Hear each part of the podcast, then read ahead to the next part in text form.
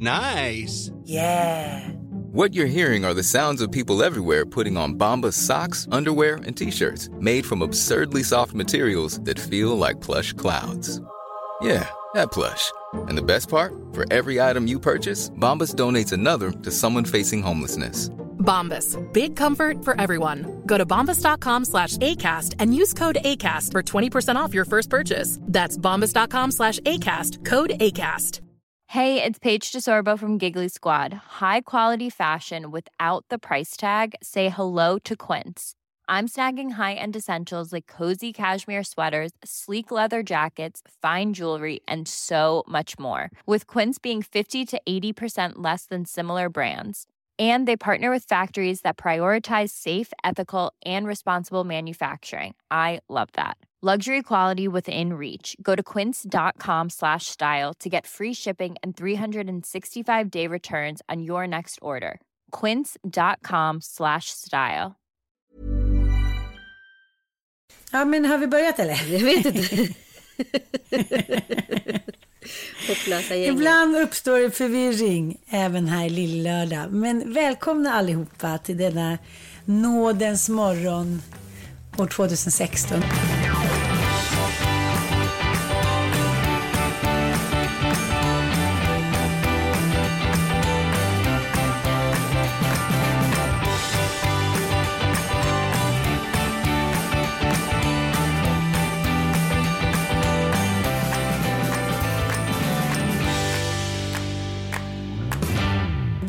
Solen skiner. Jag sitter och tittar ut genom ett takfönster i barnens rum på en barnstol. Sitter som en här krum gumma i en grimsaga. Men det är ändå väldigt intressant att vi båda har valt oss att placera oss i barnens rum för att spela in en podd. Jag upptäcker of, allt oftare att jag så här, finner mig själv sitta solo i barnens lilla liksom, miniatyrbarnsoffa. Det är som att så här, Min analys på den? Nej men alltså jag tänker att man så här, när man vill vara så skyddad och eh, i fred. Då går man in på barnens rum. För man kanske, det kanske finns något eget relaterat till sin egen barndom där. Aha, det är så du tänker. Att det är litet och smått och liksom ingenting är hotfullt. Nej, exakt. finns Allt är snällt där inne. Ja. ja, så kan det nog vara. Eller också är det det enda rummet där barnen aldrig är. Är det en annan liten freudiansk minianalys? Mm, det kan vara så också. Det mi- minst attraktiva rummet i ett, i ett familjehem är barnrummet för barn. Ja. Och ändå ska vi i Sverige så här, äh, jobba oss blodiga för att vi ska ha råd att bo i bostäder där barnen ska ha ett eget rum. Varsitt rum, annars går det inte. Annars går det Nej. inte älskling. Vi har ju gemensamt Men- barnrum. Det har väl ni med? För några grabbar. Ja, ja men, men det, det kommer nog försvinna i höst. Nu börjar de bli så stora allihopa. Ja, det är liksom. det där är ju också så individuellt vilka barn man har. Ossian har aldrig velat bo med sina brorsor. Liksom. Men de där två Piff och Puff, de kan ju inte leva utan varandra. Så de får väl flytta ihop sig. Det där kommer ju också vara så påverkan, tänker jag, i framtiden. Hur, vem som väljer vem framöver. Ossian kommer ju alltid vara liksom lite utanför. Förstår du vad jag menar? Jo, men det är ju för att han är upphöjd, den första konungasonen. Kommer natt till december. Exakt. Nej, men, men det är faktiskt... Vi satt ju i två timmar här och gaggade här om kvällen om alla fel vi har gjort med våra första barn. Ja, och det blir så otroligt tydligt. Och egentligen har det varit tydligt hela tiden hur mycket liksom, alltså ska man säga, både materiellt värde och känslovärde man lägger in i det här första Jesusbarnet. Och det är ingenting som hen har bett om, utan det är bara liksom, med första barnet får ingenting gå fel. Och sen visar det sig att alla de här liksom ambitionerna och alla liksom ja, all tid och effort man har lagt ner på det där har ju bara gjort att man har förstört dem lite grann. Jo, men det är ju en liksom sinnessjuk eh, skillnad på Pennys personlighet och Tom Allans personlighet. Sen handlar ju det mycket om vad man föds med och vad man får med sig i sig själv. Men det handlar ju också om vilket litet eh, lillfinger hon har som hon alltid kan vinka med till både mig och Kalle för att få sin vilja igenom. Och att de så tidigt har lärt sig liksom mekanismerna för att få sin vilja fram, för att manipulera, för att liksom skapa bra eller dålig stämning. Och det är någonting som de har gjort för att de är ju som hundar, så de luktar sig till hur man själv liksom reagerar som förälder. Så då har ju de så hittat de där små kryphålen hela tiden tills de har gjort det så här till en fine art. Nu kan de ju det till liksom, nu skulle de kunna doktorera i det, få lilla Nobelpriset. Det pågår ju, det fortsätter medan de andra två, tre som har kommit efteråt, ja, de är glada om de får lördagsgodis och någon veckopeng var tredje månad och typ ja, får ligga och kolla på sina liksom, iPads och får en liten smörgås eller en gammal körv. Medan liksom, den äldsta är så här, nej det där tycker inte jag är fräscht, jag gillar inte det där, jag vill ha det där och jag vill ha den sortens mat. Och jag pratar med Sanna om det där också, att de tror att de är så här minipåvar. Ja, men verkligen. Och det, det är äldsta barnet och det är, så här, det är generellt och det är bara så det är. Ja men så är det och jag märker också att nu är Penny inne i någon så här junior-tweenighet. Eh, Det är mycket liksom eyeballs, det är mycket tunga suckar. Det är ganska Aha, kaxiga eh, liksom, eh, gensvar man kan få.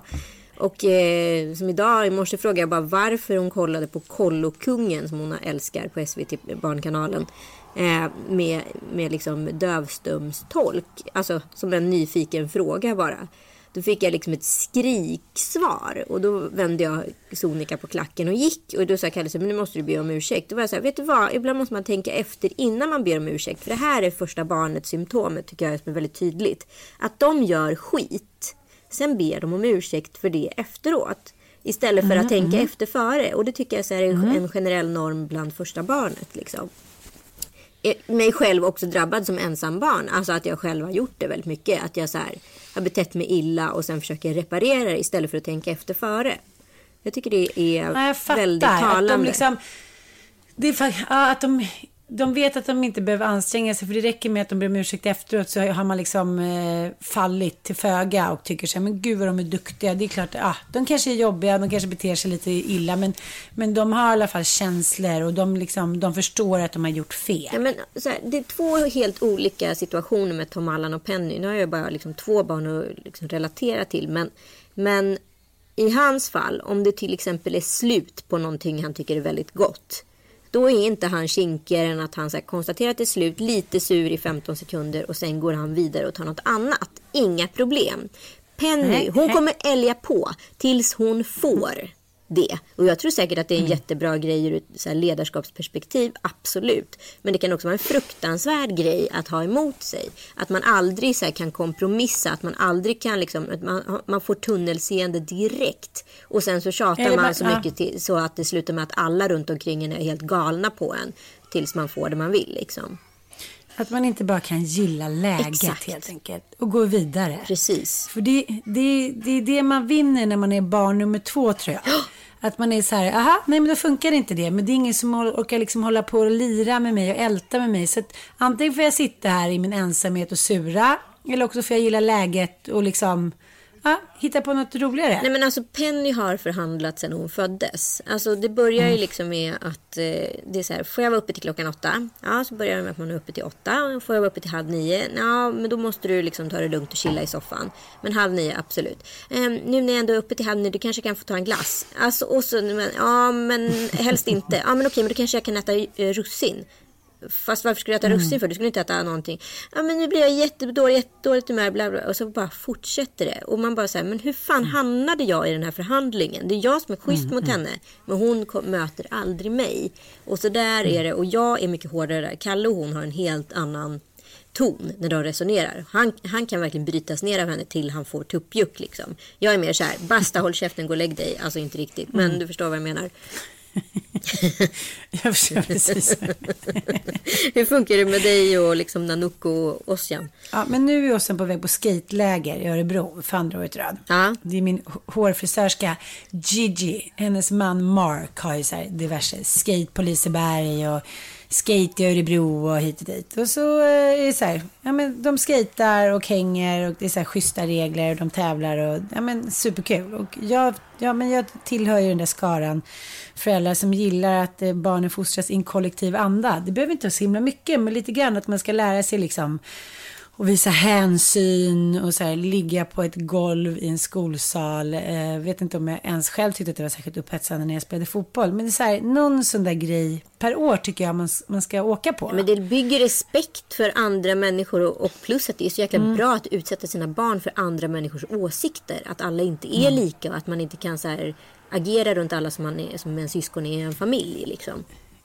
Ja, och att så här, det de också lär sig, det som man har lämnat, lämnat åt, liksom, eh, tycker jag, mycket åt skolan och liksom idrottsrörelsen, det är så här, Nej, men det finns heller liksom ingen förhandlingsglipor. Det är så här, ja, ni ska ligga klockan tio eller ni måste ha på er flytväst om ni ska segla eller eh, alla måste vara med och hjälpa till och diska. Så det är inte så här, jag gör det sen. Och jag tror att det är väldigt viktigt att se att så här, okej, okay, hemma hos mamma och pappa där kanske liksom är lite gummibands här, version. Men ute i den riktiga världen är det inte det. Det är bara så här, upp, kavla upp armarna och liksom så här, ligga i för att komma någonstans. Men då är det så typiskt första barnsymptomen är ju att då får jag ett sms av Ossian. Jag har ringt honom kanske 63 gånger. Med Ilon som var på seglarläger var det så här, jag hoppas han har kommit iväg.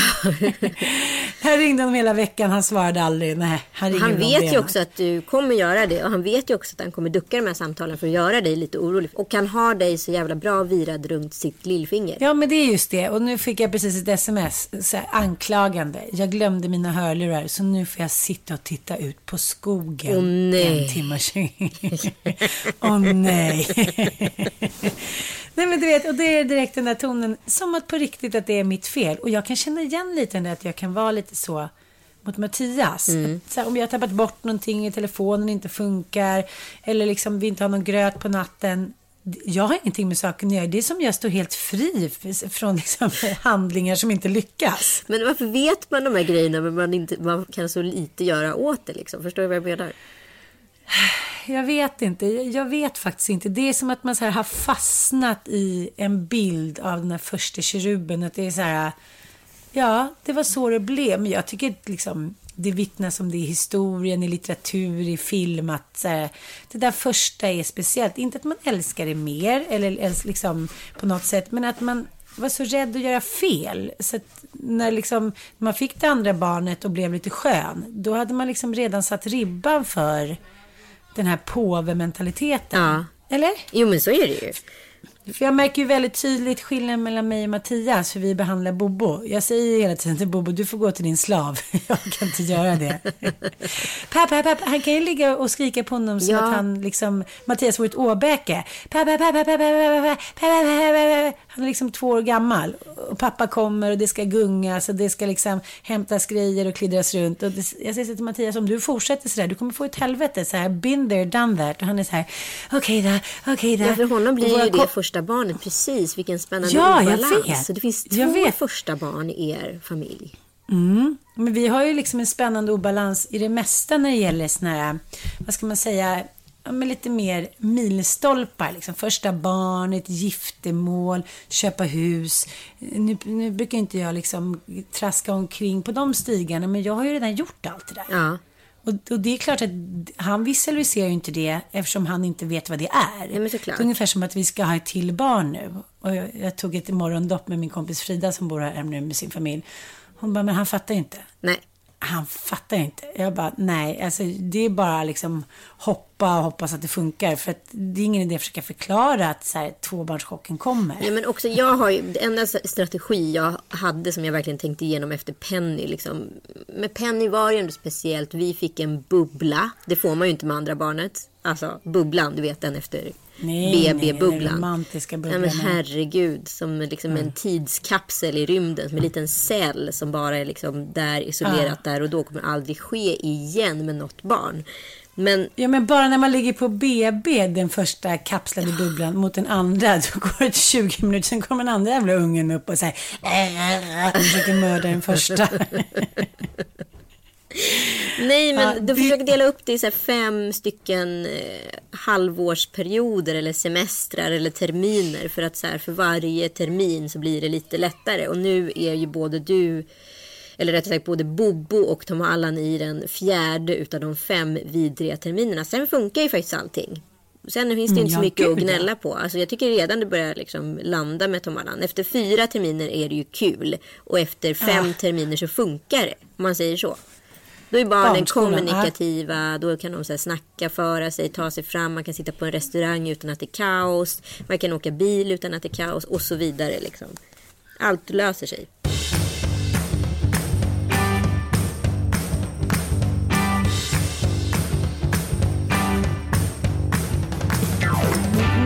Inte få massa skit för det här, för det finns ju faktiskt massa forskning nu att kvinnors och mäns hjärnor, hjärnhalvor är annorlunda.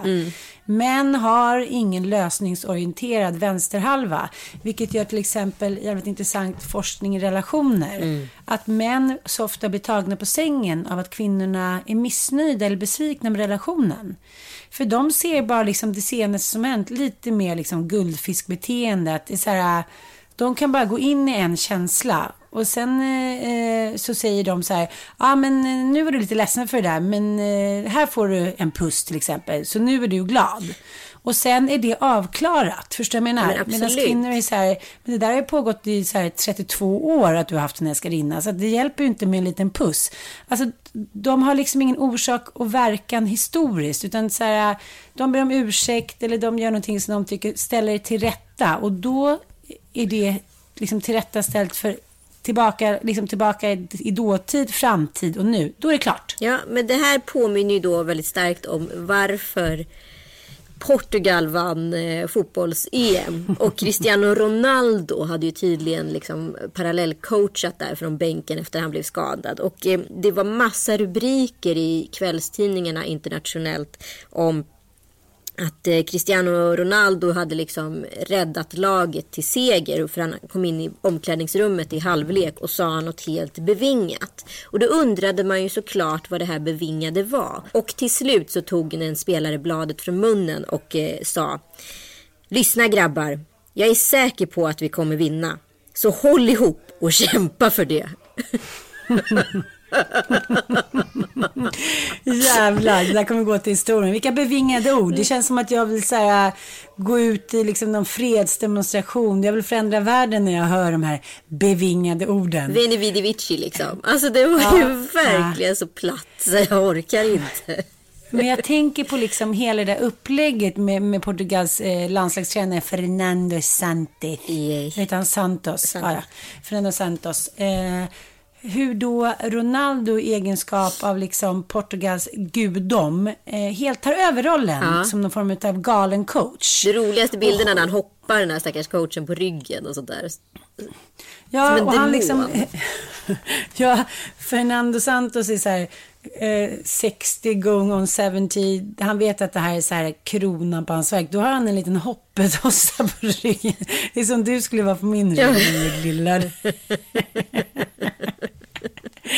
Nej men förstår du? Eh, och liksom, jag, jag skulle sopa till han, men det kan man ju inte göra. Men jag tycker att det här med plattityder, sportplattityder, det är ju såklart liksom, det är någonting vi pratar om och någonting som vi liksom garvar åt. Och jag tycker i alla fall liksom, det är lite taskigt, för det finns ju väldigt många duktiga sportkrönikörer och liksom, det är som allting som är på något sätt folkligt. Det anses ju vara klyschor och plattityder. Jag menar, när folk käkade så här räkor och drack vitt vin back in the 70s, då är det klart att det var super liksom exotiskt och liksom exclusive. Nu är det så här, ha vitt vin och rekor. Eller så här, tända ljus. Allting är ju sprunget ur någonting som vi alla har älskat liksom. Ja. Men det är ändå väldigt roligt med eh, sportplattityder. För det är så himla... Jag skulle vilja vara landslagstränare. För att man har redan vunnit. Alltså så här, om man lyckas i idrott och är tränare, då är man så älskad. Så att, då kan man säga vad som helst och alla är så här, ja, ja, det är lite som så här, de romerska soldaterna. Det är så här, ja, ja, man kan säga vad som helst om man är en stark ledare. Jo, men du liksom. vet Och ju själv, med liksom, vi har ju pratat om denna man tusentals gånger i denna podd för vi blir ju aldrig kloka på honom och det är ju Zlatan. Alltså han kan ju verkligen säga vad fan som helst och komma undan med det liksom. Jag tycker man kan jämföra det lite med när man har varit så på bröllop. Ja. Och ibland när det faktiskt, ursäkta, är usla tal. Alltså, så jag säger inte att jag själv är en bra talare, för jag, eh, nej, jag har gjort bort mig både en och två gånger och missat pengarna hit och dit. Så, att, så här, jag, jag håller mig inte above Om man säger nu så. Nej. Jag, liksom, jag, jag, så här, sen kan, får man ju till det ibland hit dit. Men så här tal när de bara står och låtsas läsa en bok och berättar så här. Då var Lina jätteduktig när hon red på hästen och hjälpte till i skolan. Och sen ska man känna så här, wow, den här tjejen, hon har verkligen så här förändrat deras liv. Och så kommer det bara plattityder. Och ändå är alla så här, wow, wow. För det är ett sånt tillfälle där man tycker att allting är fantastiskt. Men jag tänkte i alla fall på det här med eh, bröllopstal. För att vi har ju en benägenhet i Sverige, i alla fall på de här bröllopen jag har varit på sista liksom, fem åren så är det ju någon typ av talinflation. Ju mer tal, ju finare bröllop. Och svenskar generellt är ju inga underhållare. Alltså det är ju ingen konst alla bemästrar liksom, eh, överhuvudtaget. Och eh, i skolan i USA så har man ju till och med speech på agendan där man lär sig tala. Men på amerikanska bröllop är det väl typ max tre eller fyra tal. Men ändå verkar vi ha liksom misstolkat den här regeln fel. Så att så här, vi, ju mer tal ju bättre är det. Det är ju egentligen precis tvärtom. Selektiva bättre tal ju bättre bröllop skulle jag säga. Ja, men jag, jag tycker det är så tråkigt för att om man får det där i blodet, när man ska säga, från tidig ålder. Då är det ju så fantastiskt med att kunna vara, liksom, prata och stå framför klassen. Nu är det här en sån mardröm för 99 procent av Sveriges befolkning. Fast det inte behöver vara det. Liksom. Ja, men det kan ju förgöra ett helt bröllop också. Om du hamnar liksom långt ner på talarlistan eller långt bak på talarlistan. Och så, sen så är du jättenervös för att hålla tal. Då kan ju din kväll vara över. Eller så blir du pruttfull liksom, två minuter senare. Alltså, jag ser ju alltid exempel på sådana här. Jag har ju sett liksom tjejer och killar på mitt eget bröllop som så här höll tal väldigt långt ner och de var så nervösa och hela bröllopet var ju liksom en, en panikupplevelse för dem. För att de mm, inte fick riva av sitt tal i början där alla hoppas på att man ska få tala. Så att man kan få slappna av sen som det heter. Det är lite som, det är så som ens egna högst personliga sommarprat. Fast det är i sådana miljöer. Det är som Mattias kan ju inte prata inför människor liksom, i grupper. Så han får ju panik. Ja. Alltså, det går bara inte. Och jag är så här, gud vad kul, nu tror jag att jag ska hålla ett tal typ. Kommer vi var på det första gemensamma bröllop. Det var när Frida Urban som här gifte sig. Och jag var så här, jag tror jag ska hålla ett tal. Typ, mer och mer champagne typ. Han bara, jag tycker inte du ska hålla ett tal älskling. Jag bara, jo, ni ska hålla ett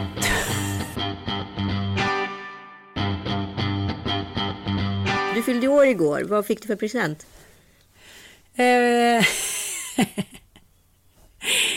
eh, vi har ju haft mycket diskussioner kring det här. För i, i, i julklapp fick jag ju en New York-resa. Just det. Och, ja, och sen blev jag gravid och eh, så köpte vi huset så här. Och då tog ju Mattias helt plötsligt tillbaka den resan. Och tyckte liksom, men nu har vi inte råd med det för att nu har vi köpt hus och du är ändå gravid. Så att så här, äh. Sounds reasonable att, i och för sig.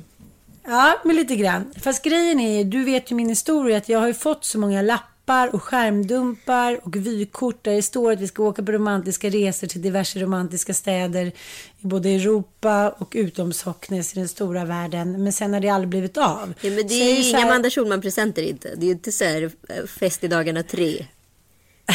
Nej, det är det inte. Och det är inga Rolex-klockor eller vintage-kjolar med spetsar. Det är liksom Ja, det är skärmdumpar eller vykort. och det här har ju ändå satt sina spår. Ja, för du har ju sagt att du ja. inte vill vara den kvinnan längre som får ja. en skärmdump. Precis, och eh, vår första dejt så hade ju Mattias varit i USA och då hade han ju gjort alltså en picknick som heter duga. Alltså. Det var på Schuttos, på ränderna och tvärerna höll jag på att säga. Och det var melonplupp, liksom olika färger. Och det var champagne och det var eh, sex bakom någon liten klippa. Och det var trosor från Victoria's Secret och parfymer i stora lådor. Alltså det var sånt överdåd att jag så här, jag var lite som, du vet, Astrid Lindgrens gamla böcker. Men kunde du hantera det då? Nej men till slut så blev han ju sur. Han sa men nu får du sluta. Det där var inte så himla mycket. Det är så man gör när man går på dejt. Jag bara, jaha. Jaha, så nu vågar han inte. Du var rädd. Du var rädd att Nej, få mycket kärlek eller? Det, ja, precis. Nej, men det jag fick då. Frida och, och Urban var här. Och de hade ju med sig tre presenter. Och hade köpt med sig liksom bubbel och bla bla bla. Nej, men jag fick en, en liten silverpresent. Jag såg att det var en telefon i. Den var inslagen då i folie. Ja, det, du kanske inte visste det. det jag trodde det var en haschkaka när du skickade till på det. Ja, men det såg ju precis ut som det. Jag tänkte så här, ja, ja. Det var lite gulligt. Men, ehm, ja men du vet, det, fanns, det var det, ny, det nya rap-pappret på landet. Okej. Och där i låg det, hör och häpna, en telefon med en skärmdump. så det var inte ens en telefon som du fick? Ingen ny telefon? Nej, nej, det hade jag precis fått. Så att jag tänkte så här, han har väl inte slagit in den jag har fått från tre. Alltså förstår du? Jag tänkte, för jag hade fått det budat samma dag för min, eh, mina, vad heter det? Min mikrofon funkar inte på min telefon, så där hade jag fått hitbudat en ny telefon. Och jag tänkte så här, men han är väl inte så dum ut att han har inte har fattat att jag har fått min telefon och nu slagit in min, ja, skit i det. Det var i alla fall en skärmdump eh, på ett par solglasögon som jag hade önskat mig. Men så börjar måste jag rannsaka mig själv lite nu här inför hans stundande 40-årsdag. Eh. Ja. Då har ju jag ju bokat med dig guldknapp på hans födelsedag så jag kanske bara ska hålla käften. Ja men grejen är ju så här, du vet ju själv, det finns två fester per år om man nu ska prata om kändisfester som inte kanske är min största händelse i livet. Nej, men verkligen din. inte. Tack snälla, vad gullig du är. Nej, jag skämtar bara. Nej, men du förstår. Det är, så här, det är Ellegalan och det är Guldknappen. Exakt. Det är de två som är så här. Du får klä dig snyggt, du får gå till Makeis, eh, du får hur mycket champagne du vill. Inte så viktigt för mig det här året. Men det är lite så här, ja men där vill man vara. Där vill man vara, så är det bara. Ja. Ja, och så är det lite vi pratade om att vi kanske skulle göra en podd med Emilia och Ebba och gå dit så här. Ja, Ja, och det är ju Och superexklusivt i år. Det är bara 200 sittande gäster inbjudna på en middag. Ja, det låter ju så trevligt. Mm. Och det är smokingmiddag hit och dit. Men då trodde ju du och jag att så som det brukar vara när man får en sån kändisinbjudan att man får ta med sig en person. Just det.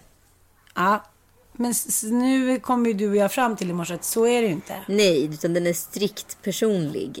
Hur ska det här gå? Ja. Ja. men så jag tänker att vi ska lura in honom på Grand Hotel i alla fall. Vi bokar ett rum och sen så har ni lite kussi-kussi och så käkar ni någon härlig brunch och så lite afternoon tea, lite bubbel på det. Sen ser du till att styra upp med hans polare så att de kommer att käka middag med honom. Så går de på typ bar bakom, vad heter det, Grand Hotel och käkar en härlig skaldjursmiddag. Och sen så går vi på våran smokingmiddag och så möts vi lite senare. Ish. Okej, men vad gör, vad gör vi av Kalle då? Är han barnvakt? Nej, Kalle Balle han tycker inte om sådana där grejer överhuvudtaget. Han har ju social fobi nu för tiden. Så att, eh, det kan ju ha med att göra att han bråkar så mycket på Twitter med alla. Men, men Geniet Söderholm gånger 200. Ja, vi har flyttat på läsning för det i alla fall. Och min stora fråga kommer också bli, vad ska jag på mig? Höggravid och damm. åh, det där är ju ett drömprojekt skulle jag säga. Låt mig sätta tänderna i det där. Ska jag skicka lite förslag? nu har ju inte bröllopsklänningen stundandes just nu. Och nu är jag också lite orolig för om jag någonsin kommer få gifta mig. För nu tycker Mattias att vi måste liksom spara lite och ha en ekonomisk buffert inför liksom andra barnet här. Att vi måste liksom flytta till större och hit och dit. Och jag är bara så här, nej men vad fasiken, ska jag aldrig få stå brud? Ska jag Oj, få- vilket ska jag- dilemma. Jag fattar vad du menar. Ja, och jag förstår ju lite, det är så här första gångs familjen, vi måste se till att det liksom locket är på brunnen, man vet aldrig vad som kan hända, men så jag är så här, det som händer, händer så här. Nu gifter vi oss, har en härlig fest och liksom, ja men på något sätt fira vår kärlek. Jag vill inte stå brud efter tio år när kärleken är lite ljummen. Om man Nej, men nu är du lite "Ah, ja, dramatisk, mm." Ann. Det kanske inte är superhärligt att stå brud hur som helst nästa år. Du kanske inte ens har slutat amma då med tanke på din gamla track record. Nej, men jag menar, alltså, det kan ju vara bra att ha en buffert. Jag menar, ett bröllop kostar ju ändå, det är ju så här, om du gifter dig om två somrar så är det ju inget, liksom, ingen fara på taket. Eller om du gifter dig nästa vinter är inte heller det någon fara på taket. Förstår du vad jag menar? Nej, du kanske- kanske kan köra in mig typ i rullstol och löständer. Ja, det kommer vara så gammal när du gifter dig. Nej, men man börjar känna Kate lite Moss som... Ja, det är lite som hon, som min kompis Jenny sa till mig. Men du kommer väl sluta skaffa barn lagom till pensionsåldern. Så då kan vi kanske, ja. Ja exakt, det är, Det- lite, det- ja. det är lite att välja på där. Du får ju sluta pippa eller bli gravid. Eller så får du skaffa ungar, så är det ju bara. Du, det har pippat så lite den här sommaren. Så att Det- men välkommen till kommer klubben. gå till historien. Fy, alltså vad händer? Nej men alltså jag vet inte. Det är liksom det mest olagda. Jag är så glad att vi hade med den där lilla turen till Frankrike. För annars hade det liksom, det hade varit sån jäkla tråkig statistik att behöva redovisa för sig själv. Nej men det här kommer inte redovisas någonstans. Jag sa det till Mattias igår, alltså, hur ens möjligt. Jag började räkna efter lite, jag, bara, jag lägger ner direkt. vet, inte svärmor i rummet bredvid och så är det någon unge och någon unge i magen som sparkar som en typ, eh, de få gångerna eller typ den gången får till det, då blev det en liten krampaktig grej så jag fick ligga helt stilla och eh, sen är någon unge, alltså så här, det går ju inte. Jag vet inte, vad ska vi ta oss till? Det kanske är bara att lägga ner fram till Frasse kommer och sen, ja, jag vet inte. Äh, sånt där säger man bara. Det är bara för att vara dramatisk och göra så här stora gester. Äsch. Jag tycker ni möts på mitten då. Ta inget sommarbröllop, ta ett vinterbröllop. Det gjorde vi. Ni funderar väl ändå på att gifta er i Jag Stockholm trodde du nu menade för med tiden? pippandet, möts på mitten, vi ses nu i källaren. vi ses vid köksbordet. Ja, det blir lite extra härligt med lite spindlar och gamla skelett och sådär. Det kanske skulle få igång oss lite. Exakt. Ja, Skräcksex. Jag, bl- när jag blev så avundsjuk igår, det var eh, ett par som var här, kompisar, jag behöver inte nämna några namn, men de hade tagit in på det underbara hotellet Ett Hem i Stockholm. Ja. Och så här inte gått utanför, liksom, de hade fått så här, åh, helt plötsligt hade de fått barnvakt, så de hade inte gått utanför eh, hotellrummet. De hade bara varit där i 24 timmar, dragit in massa skumpa, bränt så mycket pengar, rökt på rummet, fick betala 2000 spänn i, i straffavgift. Och bara så här, gått in i varandra i någon typ så här mental kärlekspsykos i så här 24 timmar. Jag bara... Gud vad underbart det låter. Själv tog jag någon bild på mig själv i profil och såg ut som jag skulle föda imorgon. Så att jag bara så här svår eh, ångest att det här ska bli världens största bebis. Men du, ni har inte, fått, eh, ni har inte fått, sett några spöken än i huset? Nej, de verkar hålla sig på mycket avstånd. Men jag hittade däremot en vind i förrgår. Oj, spännande. Fanns det något på den? Nej, en gammal kista. Nej men gud! Har du öppnat den? Ja, men det var ingenting i. Men du vet, men helt plötsligt hittar man en våning till. Med så här så läskigt fönster och ståhöjd. Och jag bara så här, dit flyttar jag upp och stänger igen. Nej, men vad fan, dit upp ska ni sätta, ha sovrummet. Så öppnar ni upp i stort Ja. så här fönster i taket liksom. Det är så roligt med huset för man bara liksom hittar nya ställen hela tiden. En, kompis till mig, in, kommer inte nämna vem, eh, ingen känd, men jag tror inte att hon vill bli omnämnd, eh, har ju precis renoverat sitt sommarhus. Jättelycklig, tar en bild, lägger ut på Insta, ser att det står ett litet barn i ett fönster som inte finns där. Nej. De var inte helt nöjd med den renoveringen. Nej men grejen är ju det här med spöken. Nu har jag ju tackat ja till det här programmet. Jag och Sanna ska ju vara en liten duo. Har du gjort det? Du skulle ju inte Ja. göra det. Jag sa ju nej för att ni sa att ni skulle säga nej. jag orkar inte. Ja men sen så, ah, jag tycker att sånt där är så spännande, det tycker ju du också. Ja, det är klart jag tycker. Men alltså det finns ju ett sånt spökhus på Fårö. Nej. Där folk har flyttat ut och in med besked. Min kompis eh, flyttade in, de hyrde det för de, ja, de drev Lauter som är en krog på Fårö förut. Du vet, hon vaknade upp skrikandes en natt att någon slår henne så satanas hårt på insidan av låret. Hon vaknar på morgonen, har fem röda fingrar Men sluta. Ja, mm, du vet det spökar så mycket så det var ju bara så här goodbye, hej då. Men ja, ja, jag vet. Men jag tror ju på sånt där. Men just det här huset har ju många tänkt så här, gud det är ett spökhus. Men Nej, men det var ju Nej. bra energi där tycker jag. Däremot Jag var jag på, var på en helt, jag var ju på, vad heter Karlstens fästning på Marstrand. Ah. Alltså den stora fästningen. Där har man gjort helt sinnessjuka experiment med fångar. Dels var det en snubbe som de skulle testa en ny galge på. Han skulle hängas då.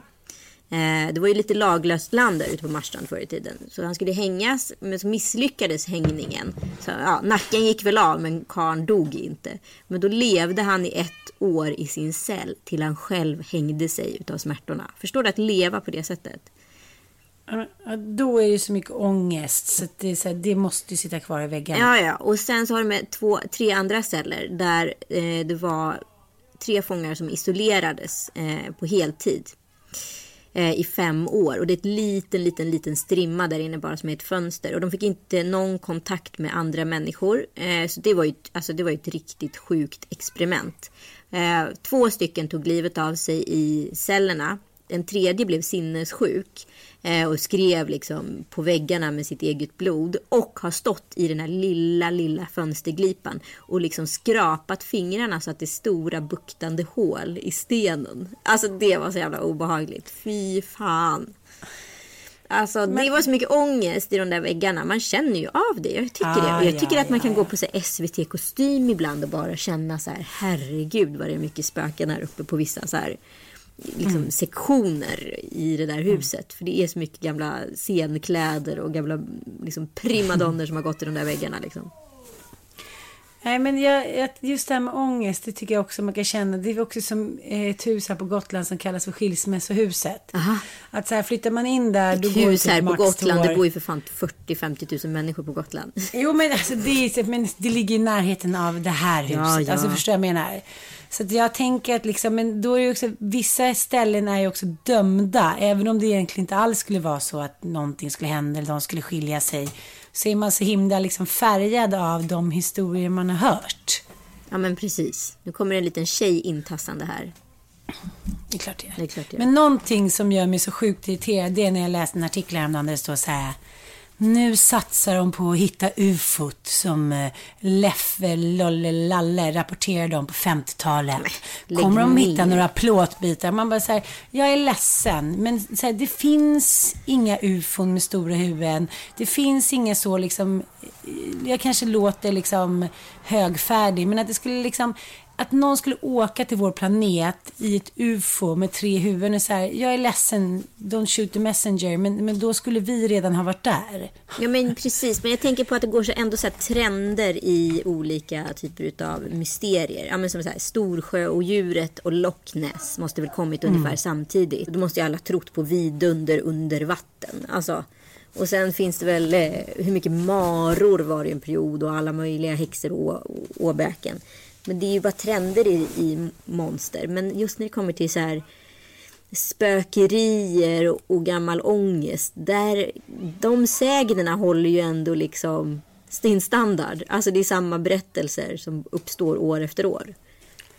Ja, men jag förstår inte så här, och liksom, om det nu är så i USA på 50-talet att, de, att det finns så här militära ställen där de har liksom förvarar ufon hit och dit. Men varför liksom, varför skulle inte det då ha visats upp?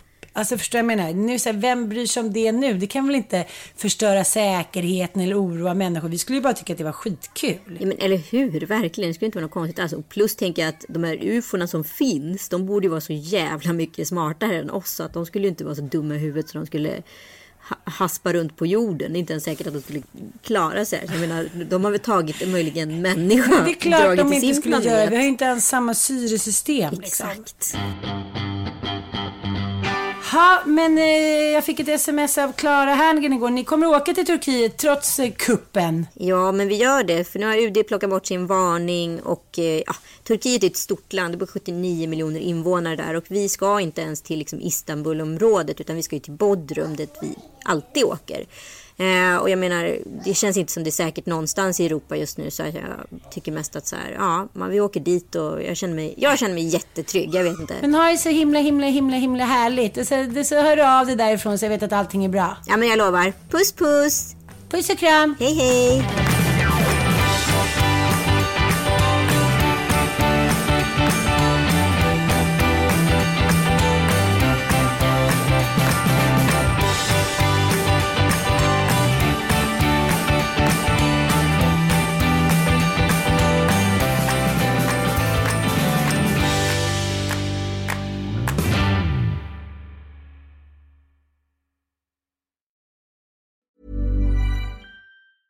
Hey, it's Paige DeSorbo from Giggly Squad. High quality fashion without the price tag. Say hello to Quince.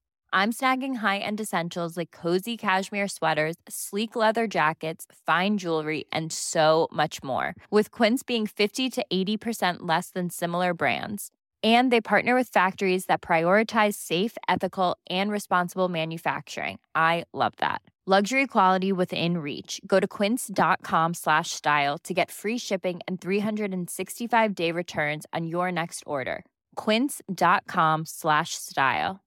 Hi, I'm Daniel, founder of Pretty Litter. Did you know cats tend to hide symptoms of sickness and pain? I learned this the hard way after losing my cat, Gingy. So I created Pretty Litter, a health monitoring litter that helps detect early signs of illness by changing colors, saving you money and potentially your cat's life. Pretty Litter is veterinarian developed, and it's the easiest way to keep tabs on your fur baby's health right at home. Go to prettylitter.com and use code ACAST for 20% off your first order and a free cat toy. Terms and conditions apply. See site for details.